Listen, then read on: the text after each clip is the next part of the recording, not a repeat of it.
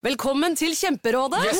Denne gangen har vi fått inn et kjempedilemma fra en familie. Okay. Jeg leser Hei, vi er litt uenige i familien her. Mm. Hvis du skulle vært et dyr, ville du hatt gjeller eller vinger? Oi, den er tricky. Ja, hva ville dere hatt da? Altså, jeg vet ikke, men Med familierabatt får de ubegrenset data fra Telenor fra 399 kroner. Da kan de jo scrolle seg til svaret, rett og slett. Ja, ok, Men for min del Ja. gjelder. Nei, nei, Gjelder. nei, vinger. Nei, nei, gjelder. Ja, okay, ja, kjempebra. Men eh, se nye mobilabonnement på telenor.no, da.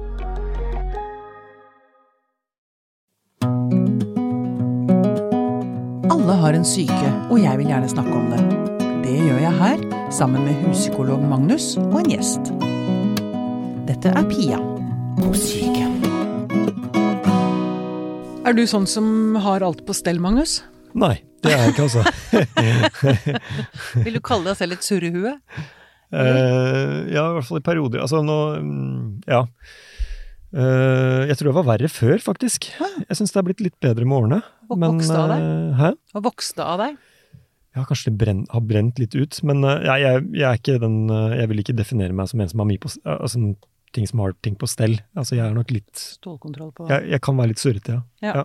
Vi har fått besøk av en som også slår et slag for dette med å være distré. Velkommen hit, velkommen hit Jenny Klinge.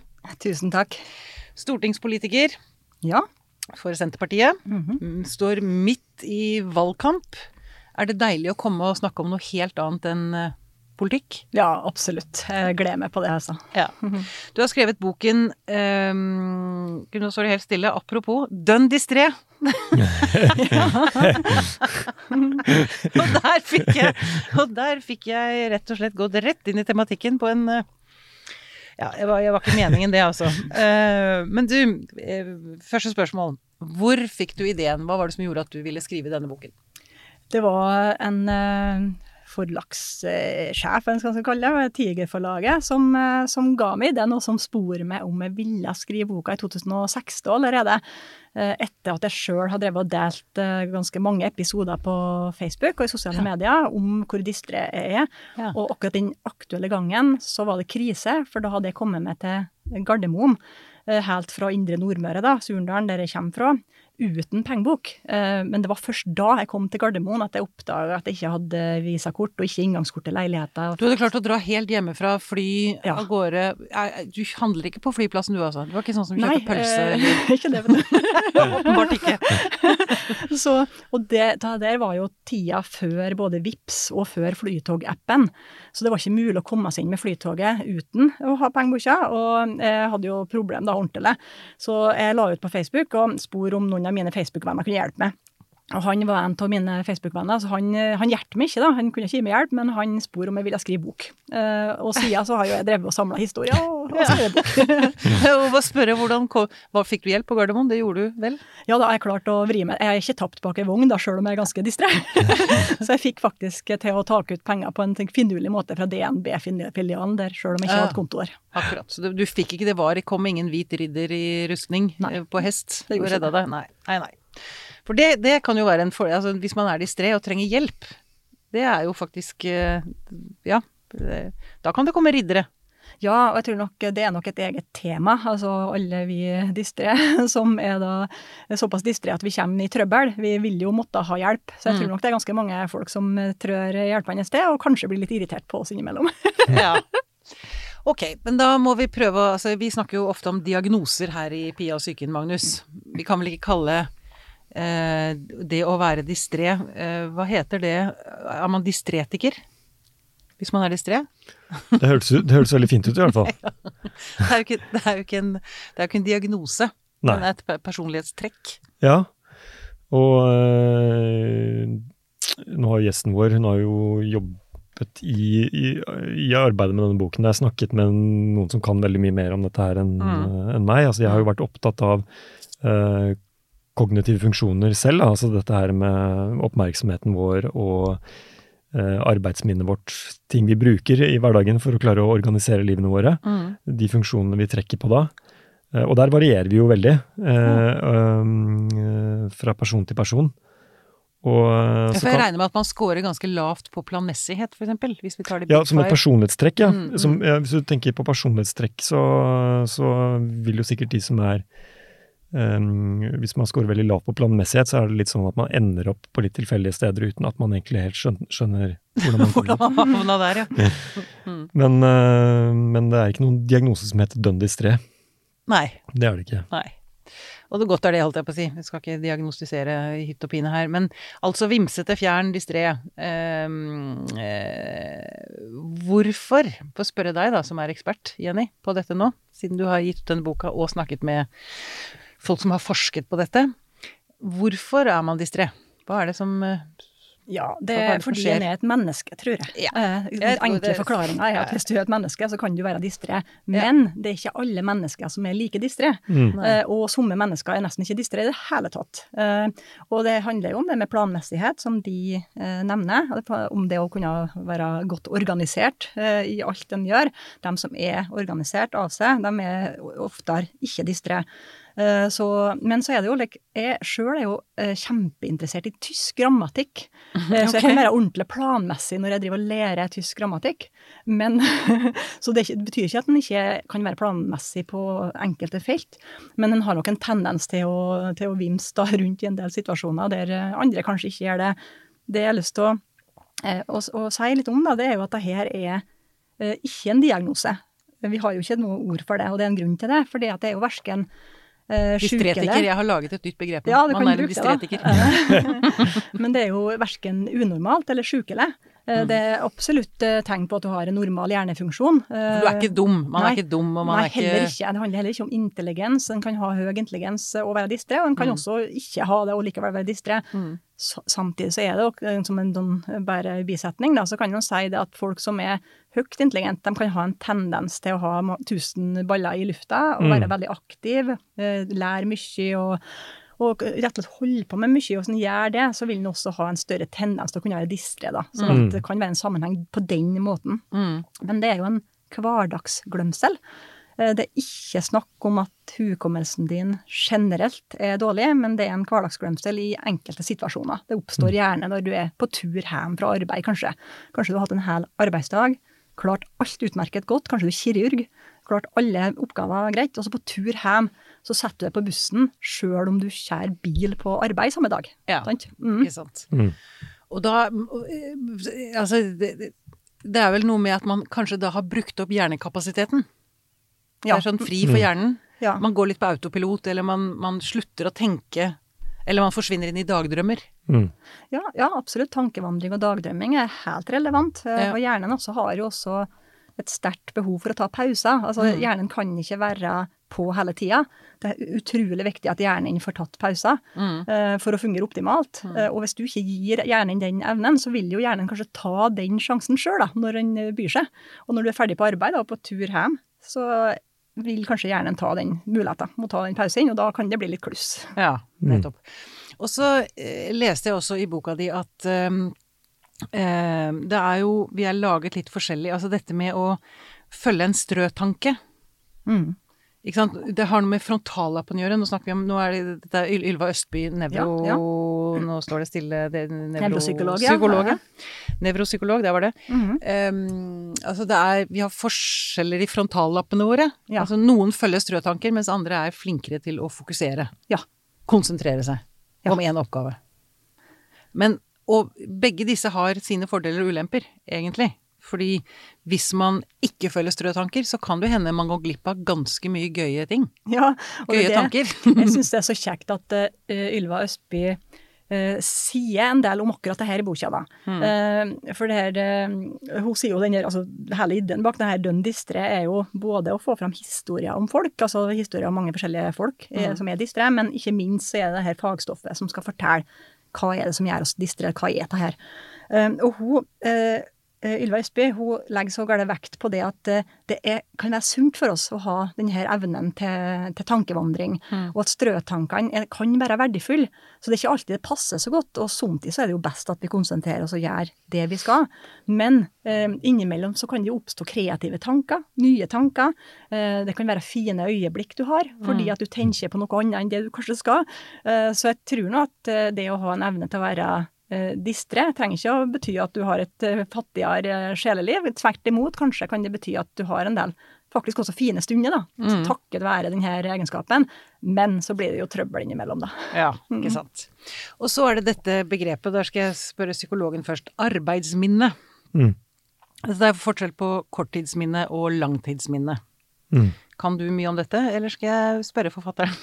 Du må gjerne spørre forfatteren, men uh, arbeidsminnet er noe av det viktigste, en av de viktigste funksjonene vi har. Ja. Og uh, nå får vi høre fra forfatteren her også, da, men altså når man snakker om hvilke av disse kognitive funksjonene man måler har best overføringsverdi til vårt praktiske vanlige liv, Mm. så er arbeidsminnet uh, i noen sånne oppsummeringer kommet på topp.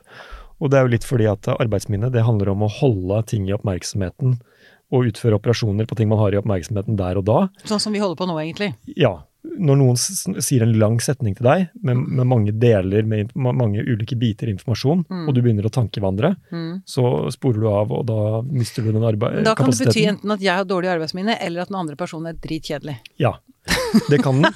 Og kjedelige, kjedelige personer er spesielt flinke til å utfordre arbeidsminnet vårt, ikke sant? Oh, ja. Da trenger du å mobilisere ekstra viljestyrke for å høre på den tørre professoren som kommer med det lange resonnementet, selvfølgelig. Mm. Eh, Men det er jo eh, eh, Det å ha stor arbeidsminnekapasitet er forbundet liksom da med at da kan man få med seg veldig mye i det det skjer. Og, og Ja. ja. Men kan man trene opp det? Arbeidsminne? Eh, det, eller er det noe det finnes programmer for å trene opp arbeidsminnet som folk bruker i behandling, ja. Som Ja. kognitiv trening for å trene opp arbeidsminnet, som egentlig er typer dataspill. Men det er ganske kontroversielt hvor bra de egentlig fungerer når det skal overføres til den virkelige verden. Så vidt jeg meg bekjent, så er det ikke, så er det ikke sånne frapperende effekter, i hvert fall. Men eh, ja. Fordi distré handler jo ikke om eh, hukommelsen om det som har vært. Det går på hukommelsen om det som skal komme, eller hvordan det blir. Ja. Ja, det du skal gjøre. ja. Mm. Huske det du skal gjøre. Det er dette med at du kaster eh, stresskofferten i søpla og tar med deg søppelposen på jobb. For eksempel, som jeg hørte en gjorde. Eller jeg så Hadia Tajik la ut et bilde av seg selv første dag på jobb. Var hun på vei ut døra, og så tok samboeren bilde av henne, og da hadde hun på seg clogs. Mm. Til, til, den, til drakten. Mm. Så, ja. Det er vel for ferie er vel eh, en utfordring for uh, distré folk, kanskje. For da har man ikke disse vanene sine. Ja, nettopp. Det er jo fritida og ferie som kan være det vanskeligste. For på arbeid så er det vanligvis sjekklister og eh, rutiner og, og sånn, da. Eh, Så det er absolutt eh, verre det. Men jeg har lyst til å si litt mer om det her med arbeidsminner. Ja, ja nå hoppet jeg videre. Mm. Interessant, eh, interessant tema, for det, eh, langtidsminnet vårt har jo omtrent uavgrensa kapasitet. Vi kan lære eh, hvem som var statsminister under krigen i det og det landet, og huske det sant, ja, kjempelenge etterpå, når vi først har lært det inn. Det er noen telefonnummeret fra jeg var liten. Det Ja, husker jeg fortsatt. Sant, Mm, her. mm. Det er et godt eksempel. Og så har vi det arbeidsminnet som Magnus taler om her, at der er det jo mye som sånn, Alt det vi skal gjøre nå, da, de neste, neste timen, den neste dagen og sånn, Mm. eh, alt det der, eh, vil jo variere fra person til person. Somme personer har jo veldig lite de trenger å huske på. Andre personer har mye mer å, de skal trenge å huske på. Eh, og så er vi forskjellige i måten vi organiserer òg det her minnet på, eller måten vi, vi husker på eh, de oppgavene på. da. Eh, og det som, eh, som Ylva Østby forteller om i, i boka, det er at det her eh, og nå tar jeg, og har et lite notat her, da, det er jo loka, lokalisert i et nettverk av områder i hjernen eh, som er aktive sammen. Eh, og det er ikke minst viktig å få med seg at eh, det blir litt kluss hos somme av oss. Eh, det er det evnen til å holde uvesentlige ting unna. Ja. Eh, det er den som er vanskelig, og den har jeg et problem med. sant? Ja, likeens for meg. Jeg altså. tar inn altfor mye informasjon. Ja, og jeg, kjemper så, jeg har så mange ideer og kjemper så mye. Ja. Og, og, og som, som de taler om i stad, at hvis noen sitter og tar- taler ut med og er skikkelig kjedelig, da sliter jeg altså. For da kommer jeg på så mye annet. Um, og det her så Hva om personen heller seg dette? Denne evnen til å holde uvesentlige ting unna, er viktig å merke seg at det er eh, relevant, og det er trolig lokalisert i frontallappen, og i fremre del av hjernen vår. Ja. Sånn som jeg har lært det, altså her forskerne. Um, og så er det det her med, som jeg fortalte om at uh, korttidsminnet har uh, avgrensa kapasitet i forhold til langtidsminnet. Det er viktig å ha med seg, fordi at vi kan ikke stappfullt det her arbeidsminnet uh, uendelig. Det går ikke. Det er en ikke. flaskehals. Det er en flaskehals. Og eh, jeg tror at eh, for min egen del, så problemet mitt er, er nettopp at jeg stapper for fullt. Eh, Det er, ikke, det er ikke nødvendigvis at jeg sliter med å håndtere de samme mengdene som andre folk, mm. men jeg sliter med at jeg fyller det for mye. Mm. Stadig. Også i tillegg, når jeg driver med tankevandringer og tenker på andre ting, da, sant, så blir det jo vanske, vanskeligere. Mm. Sjølsagt.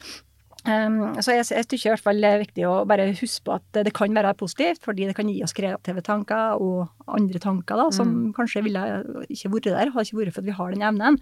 Men vi må samtidig ha såpass arbeidsminne at vi klarer å gjøre de viktige tinga. Uh, og det er jo det som kan være vanskelig da, Uh, for oss som er mest distre. uh, Ja. Så er det jo å få til å kontrollere akkurat det der. Ja, Mm. nettopp.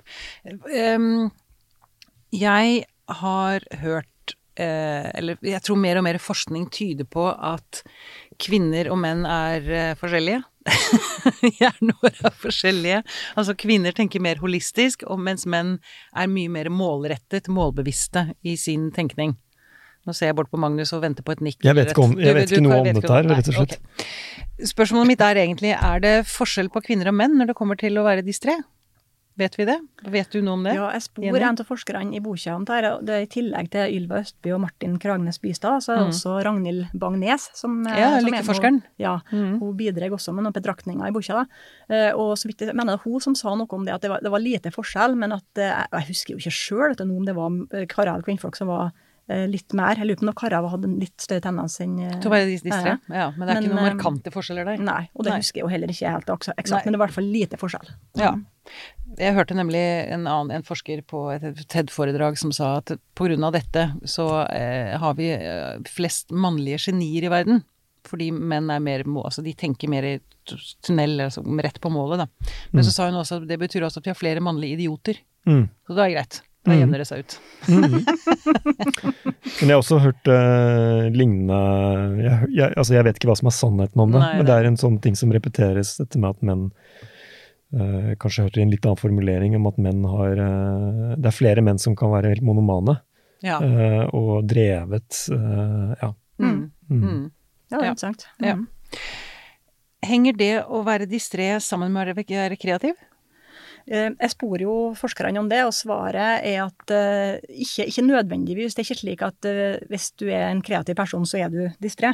Du kan utmerket godt være en ikke-distré person og være høyt kreativ. Mm.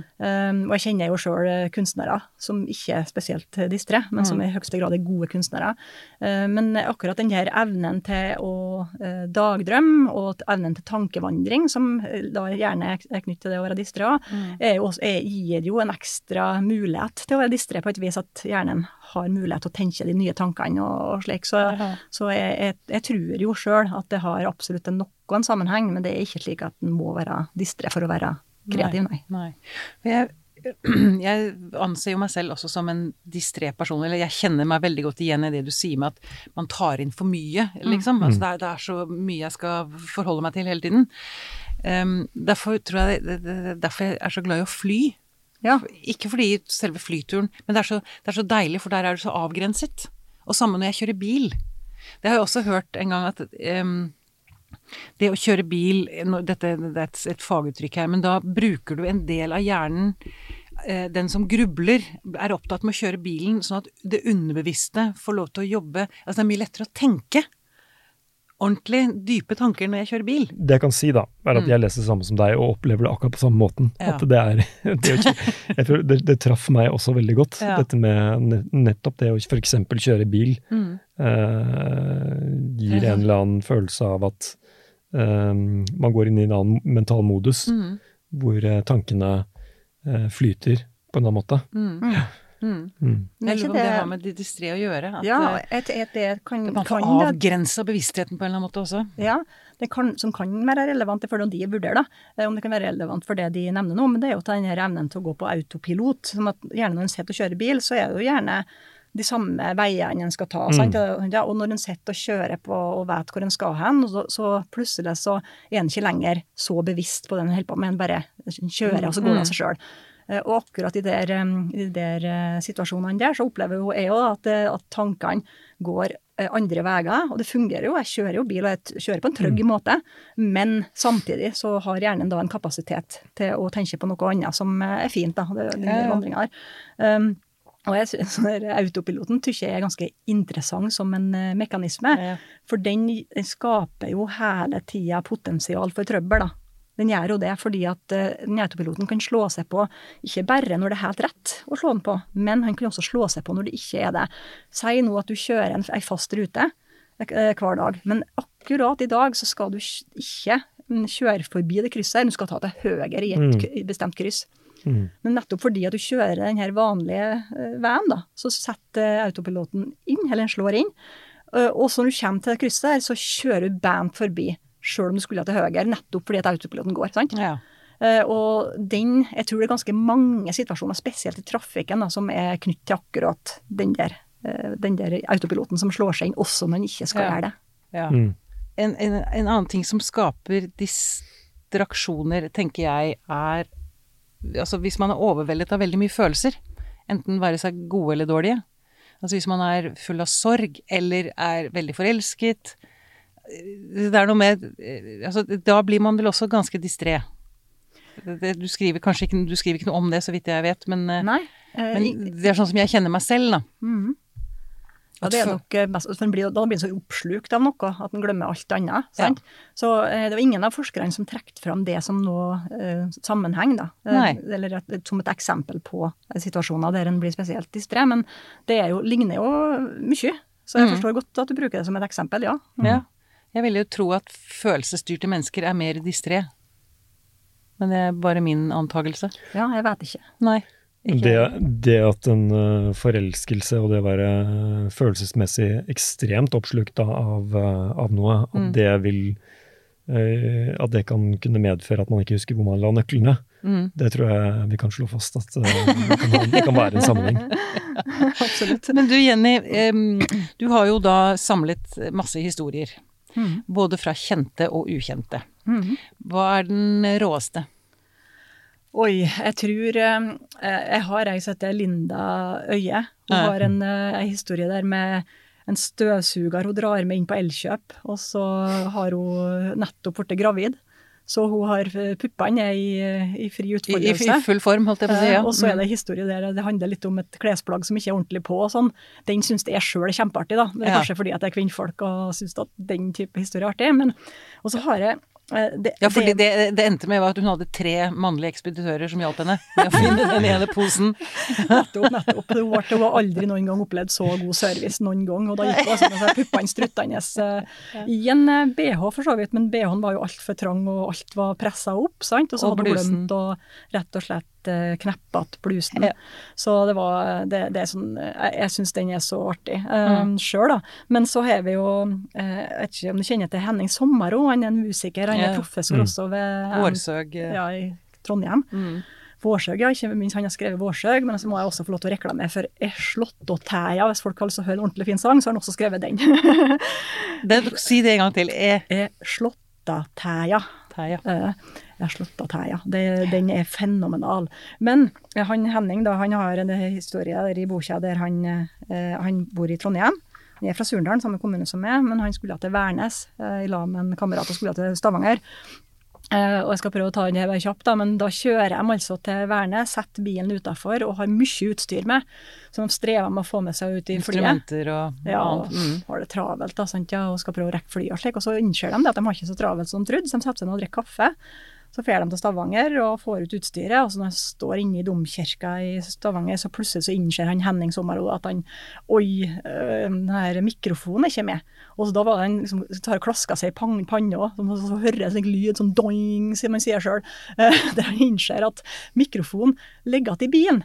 Og da kommer han eh, på at bilen kanskje ikke er helt rett plassert, fordi Så da han skal tar opp telefonen sin, det er fullt av anrop, og da har de ringt fra Værnes gjentatte ganger, fordi at de har altså satt fra seg bilen med dæren åpen, altså alle dører er åpne, og musikken sto på. Med Motoren i gang. Motoren i gang, altså. Med musikken på, og bare forret til Stavanger. og da var det noen som hadde drista seg til til slutt da, å flytte denne bilen. Mm. Uh, så det ordna seg jo, og han fikk låne en mikrofon i Stavanger, men uh, det er jo helt fenomenalt hvordan det går an, da. Ja. Mm. Mm. Ja. som sagt, det blir, det blir jo heldigvis gode, ofte gode historier ut av det. Ja, det Ja, kan bli det. så lenge det ikke er farlig for noen andre, så er det jo bare gøy, egentlig. Mm. Men eh, så har jeg Altså, man kan Jeg opplever jo også folk som kan, holdt på å si Bruke eh, denne distré professor, sjarmerende distré-imaget som en unnskyldning. Altså, vi Ja. kommer alltid for sent, de glemmer ting, og så må jeg rette opp, eller jeg må hjelpe, altså, ikke sant. Det kan jo være irriterende òg. Det kan det. Det kan det absolutt. Men jeg talte med en eh, redaktør eh, i ei avis som fortalte meg det at eh, da hun leste bo- boka mi, da, så eh, hun var den typen som ble irritert på folk som er distré. Spesielt Spesielt dem som liksom framstår som de bruker som unnskyldning. Da. Men etter at hun leste boka, så sa hun at hun fikk en helt annen forståing av oss som er det. Så hun trodde sjøl at hun kom til å bli mindre irritert faktisk framover. og jeg, jeg tykte at det var artig, da, for det er jo litt av misjonen med boka. Og det er jo én ting at vi at det viser til de andre som er dystre, at det går an å være det og stå fram med det. sant? Mm. Fortelle historien om det og hvorfor er vi det. Men det er jo kjølig artig hvis at eh, de her, eh, alle de her personene som faktisk kan bli irritert, eh, Faktisk læres- mildner. Ja, faktisk mildner litt, da. Ja, ja, ja. Og så slår du også et slag for dette med å, å Altså det, er jo viktig også at vi tillater oss å gjøre feil. Ja. Og, Eh, og distré, altså det, det er veldig bra å se at også kjente eh, suksessrike mennesker som Henning Sommero eller deg som politiker, eller altså at dere, at man surrer det til for seg. Ja, jeg tykker kanskje den viktigste budskapet i boka er jo det her med at det er lov å være feilbare. Og på en måte, det, boka er en hyllest til det å være feilbare, sånn som jeg ser det. Uh, og bare en sånn påminning om at, eh, at eh, noe, kanskje det fantastiske ligger i det uperfekte ganske ofte. Eh, og hvis vi hele tida strever etter å være perfekt, så vil vi ta fra oss sjøl mye livslykke. Uh, men vi tar fra oss sjøl mye raushet i tillegg.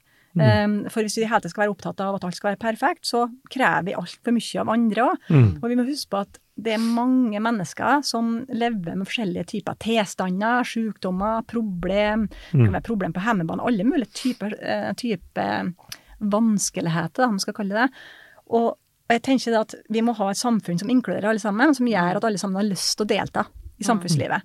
Eh, og akkurat ved å slå et slag for det ufeilbare, eller ja, det, det Feilbarlige. Mm. og det at det er lov å være feilbarlig og være uperfekt, eh, så tenker jeg at da tar en også på samme måte å inkludere flere, og eh, ønsker flere velkommen inn i det. Og Ylva Østby sier det fint i, i boka mi, Dønn distré, at eh, det her med dem som har ADHD, og dem som kanskje har en hjerneskade, kanskje det kan være bilulykke eller ting som har skjedd, sant? Eh, eller forskjellige typer tilstander som gjør at en kan eh, være mer distré rett og slett av en diagnose. Eh, òg vil jo ha stor nytte av at vi som er distré av andre grunner, står fram med det og er, er på en måte bare være er oss sjøl og tør å fortelle om det. Fordi at det, det vil gjøre terskelen lavere for dem også for å delta. Mm. Mm, Og det syns jeg er fint, da. Ja, og her slår du, da slår du vel inn åpne dører til psykologen, skulle jeg tro. Ja, absolutt. Det er kanskje ikke så mye mer å si om det, egentlig, men Nei, nei, variasjonsbredden må få lov til å være enormt stor i Ja. hvordan vi er på både personlighet og ulike tilbøyeligheter, og, ja, ja, og, øh, og sånn er det jo bare. Eh, ja. Denne perfeksjonismen er jo ikke sunn for psyken vår. Nei, den er kanskje ikke Altså, den er ikke tilrettelagt for å fange opp nettopp den variasjonsbredden i eh, hvordan mennesker er, da. Mm. Jeg tror kanskje skal ikke, uten å gå på en eh, Ta en altfor lang avstikker om et helt annet tema, så, eh, så er det i hvert fall sånn at eh, når det gjelder eh, skolen og hvorfor folk faller fra i skolen og sånn, så bør det være et eh, fokus, tenker jeg, på hvordan skolen klarer å inkludere eh, forskjellige måter å være på i skolen, og forskjellige måter å lære på, for eksempel. Eh, som da er relevant for dette temaet vi snakker om i dag. Da, det å være distré og det å, å, å fremstå på ulike måter som ikke passer med den, det idealet om å ha ting på stell. Mm. Eh, og s, eh, det, eh, det Nå er det jo valgkamp, og vi har en politiker her, så det kan jo være Ja, fint at vi skal, vi skal nærme oss litt politikken etterpå, men jeg tenker nå når du sitter og snakker, så tenker jeg altså barn er vel også i sin natur mye mer distré Ja. enn voksne er, Ja, ja, ja. og takk og pris for det. Mm, Det er, det er nesten noe man skulle dyrke, altså for det, deri ligger jo veldig mye av livet, mm, og læringen. mm, mm. Ja, eh, det er jo viktig å minne om akkurat det, da. At eh, unger, unger er jo langt mer distré enn også. Det handler handler om at ikke kontrollfunksjonene i hjernen er- gjerne er fullt utvikla. Mm. Den Mm. blir senest utvikla, for så i hjernen nå. Så er forskerne forteller om det. og Kontrollfunksjonene? Kontrollfunksjonene i hjernen, ja. Det som utvikla seg saktest hos mennesket. Det var det jeg har notert sjøl fra disse forskerne jeg snakka med. Og det syns jeg sjøl er interessant, og utviklinga går jo videre til ut i 20-åra. Mm. Det betyr at uh, unger er jo litt sånn vimsete og vi, Unger, de er unger, rett og slett. sant? Ja? De er vimsete og, og de har jo ikke kontroll på alt. Men etter hvert som ungdommene blir eldre og eldre, så vil en jo få mer kontroll, selvsagt. Men det som er da, det er at ungdommene ser jo ut som voksne før de er ferdig utvikla. Mm. Sånn at vi har høyere forventninger til dem enn de egentlig klarer å oppfylle. Mm. Så ofte så er det at de glemmer gymbagen sin opp igjen og opp igjen. De kan jo bli irritert, for de ser jo som voksne. og Hvorfor kan de ikke oppføre seg som det? Eh, Men de har ikke, har ikke ferdig utvikla hjerne ennå. Mm. Eh, Og da er det jo viktig at vi ikke stiller for strenge krav, men på den andre sida så må vi jo stille krav for at de skal lære òg. Mm. Så det er jo fin Ja. balansen der, da, av forståelse og, opp, og opplæring. Mm. Jeg tenker på, det, det er et veldig fint poeng, og det, de fremre deler av hjernebarken utvikles, utvikler seg ferdig, i hvert fall var det eh, Det var eh, vanlig å si at det var rundt 25 års alder. Eh, eh, og at vi får sertifikat når vi er 18, er det jo noen som da har stilt spørsmålstegn ved, nettopp med bakgrunn i denne, i denne opplysningen. da. Mm. Eh, Da jeg var i, i, i USA, så er det jo Jeg hadde et utvekslingsopphold der for lenge siden hvor man fikk sertifikat hvor man var 16. Ja. Og, eh, og der var det jo, i den delstaten eh, hvor jeg oppholdt meg, var det jo veldig mange bilulykker også. Ja. Eh, Så det er jo kunnskap som kanskje burde også utforme eh, politikk òg, da. Eller mm. hvor- nettopp det at det å kjøre Ja. Og da må, må jeg jo trekke frem elsparkesyklene. Ja. Altså unge mennesker, altså fotgjengere, de har jo ikke lært trafikkregler engang. Som suser av gårde i 25 km i timen på fortauene. er jo livsfarlige greier. Ja, det er jo det røkker det i politikeren i meg, da.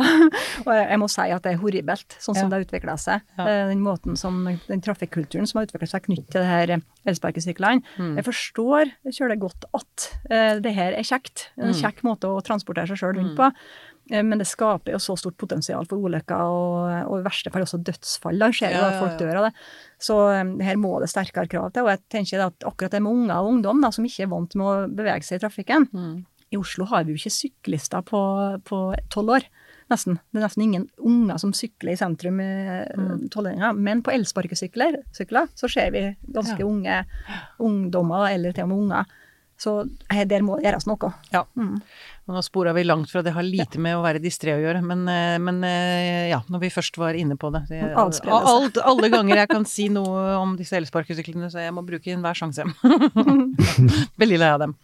Um, eh, jo, jeg sa at vi skulle innom politikken, og det skal vi strengt tatt ikke. Fordi vi skal ikke snakke politikk. Nei. Men eh, dette Du skriver også noe om at også altså, politikere som skal styre landet, Mm. kan vi ha distré politikere? Ja. Eh, og det, det var jo Vi tala litt om det her uperfekte og hvor bra det er i stad. Og det nettopp av samme grunn så kan vi absolutt det. Fordi at det er helt menneskelig å være distré. Så klart en skal ha eh, politikere også som er distré. Hvis ikke så vil det være helt rart, egentlig. Eh, Rart demokrati.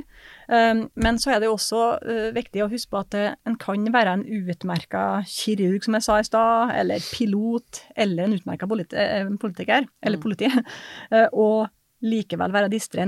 Det hindrer oss ikke i å være gode til å utføre vervet vår, eller utføre et yrke. Det kan skape kluss, ja, sant, og det kan skape noen rare situasjoner, men det her handler ikke om en manglende evne til å utføre arbeid. Og, og det er det viktig å, å presisere. Um, så um, for min del så tenker jeg at den denne evnen jeg har til å uh, Den irriterende evnen jeg har da, til å plutselig begynne å tenke på noe annet, den gjør jo samtidig at det blir vanskelig. da. Um, men det gjør òg ikke minst at jeg kommer på ting. Jeg, jeg, kan, jeg kan skrive hele kronikker som utgangspunkt i en sånn tanke som jeg fikk Ja. da jeg samtidig glemte bilen min. Sånn. Men er det ikke skikkelig utfordrende for deg å sitte i stortingssalen, eller være med på end- Jeg innbiller meg at dere politikere har sånne endeløse møter med en million mennesker som skal si sitt, sitt syn, og Går ikke du helt bananas da? Jo, jeg kan gjøre det, men det som eh, jeg sjekka en ting, da, det var det her med avstemningssystemet på Stortinget. Der er det slik at vi samles alle sammen på slutten av dagen eh, til eh, avstemning.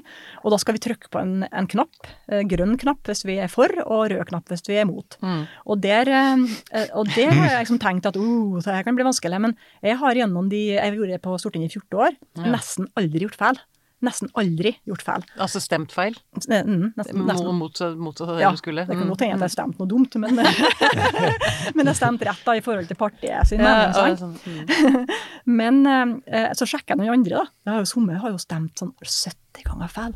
I løpet av samme perioden som jeg har stemt feil to ganger. Um, så det er utrolig stor forskjell eh, på folk. Eh, og jeg er jo, jeg vet sjøl at jeg distrer, men jeg klarer Den type arbeidsminne har jeg når jeg holder på sånn. Konsentrerer meg om sånt. Eh, Men jeg har jo sett det i stortingssalen og skulle være den neste som skulle opp på tale. Eh, Som, som skulle, altså, saksordfører heter det når den første som snakker i sak. Da. Eh, Og da har jeg jo sett det en gang, husker jeg, og jeg satt der og bare begynte å lese på papir og trodde at det har god tid, og så sier stortingspresidenten at uh, skal ikke saksordfører på talerstolen, sant? Og så sier han saksordfører Jenny Klinge. og, så, og jeg slik piler opp da, og ber om unnskyldning. Og da var det faktisk litt artig, for jeg begynte med å si det at jeg beklager, men jeg har en sånn tendens til å kunne kjøre i feil retning, og slik, sier sønnen min ofte sier at eh, og slikt skal styre landet. um, og så flirte jo folk i salen, og så snakka jeg ferdig de fem minutter jeg skulle tale, og så la jeg gå ned igjen, og så sier stortingspresidenten at uh, stortingspresidenten kan berolige representanten Klinge med at hun sitter i opposisjon, sier han. så han syntes ikke det var så farlig. det kan bli litt artig historie. Ja, ja, ja. Men du, er det ikke veldig krevende egentlig å drive valgkamp når man er eh, så distré? Det må jo være sykt mye å holde orden på i disse tider? Ja, det er klart det. Vi har utrolig mange forskjellige opplegg i løpet av en uke og sånn, men, men jeg syns ikke at det er så håpløst, altså. Nei. Eh, det er absolutt ikke, altså. Jeg er helt sikkert at jeg kommer til å kjøre til feil hotell og sånn i løpet av valgkampen. Bare du ikke drar til feil by, Det har også skjedd. kanskje? Det har også skjedd. At du flyr til feil by. Ja, ja, jeg, jeg flår. Det var faktisk en gang jeg skulle fra Oslo og hjem, eh, og skulle hente, eh, hente bilen da, på flyplass i Møre og Romsdal og kjøre til, til Surndalen. To timer fra flyplass, da. Også, men så hadde jeg fløyet fra Molde, tatt fly fra Molde da, en uh, søndag, og så skulle jeg ta fly tilbake til Molde så for å hente bilen min, men så kommer jeg til Værnes på fredag. Nei. og Værnes, så sier jeg du, jeg skal ha en, Den gangen hadde jeg en Subaru Forester. Så Klinge skal ha en Subaru Forester. Sa jeg på den betjente parkingsplassen Sandferghus, da, så sier de det at eh, mm, det står ikke noe bil på Klinge her. Eller, da. Eh, da må de ha gjort en feil, sa jeg, og det er liksom når jeg begynner å beskylde andre for å ha gjort noe galt, da jeg forstår at det kanskje ikke er helt uh, bra. Det endte jo med at jeg bare forsto at bilen sto i Molde, det var fire og en halv time unna, eller noe sånt. så jeg måtte jo bare komme meg hjem med buss, og det tok altfor lang tid. Sånne Ja. ting kan skje. Sånne ting kan skje. Ja, ja. Men det lever man jo fint med. Ja, Og igjen, det blir en gøyal historie. Ja. Og det kan vi aldri få nok av her i verden. Nei. Nei. veldig bra.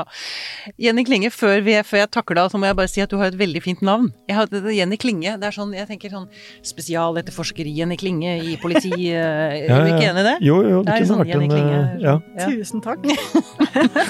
det klinger godt. Det klinger Ja, det godt. klinger Ja. Tusen takk for at du kom til oss. Tusen takk for meg.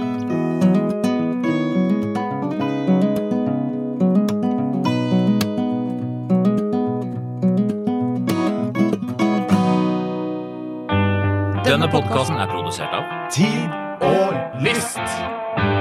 Med støtte fra stiftelsen Kåre Berg.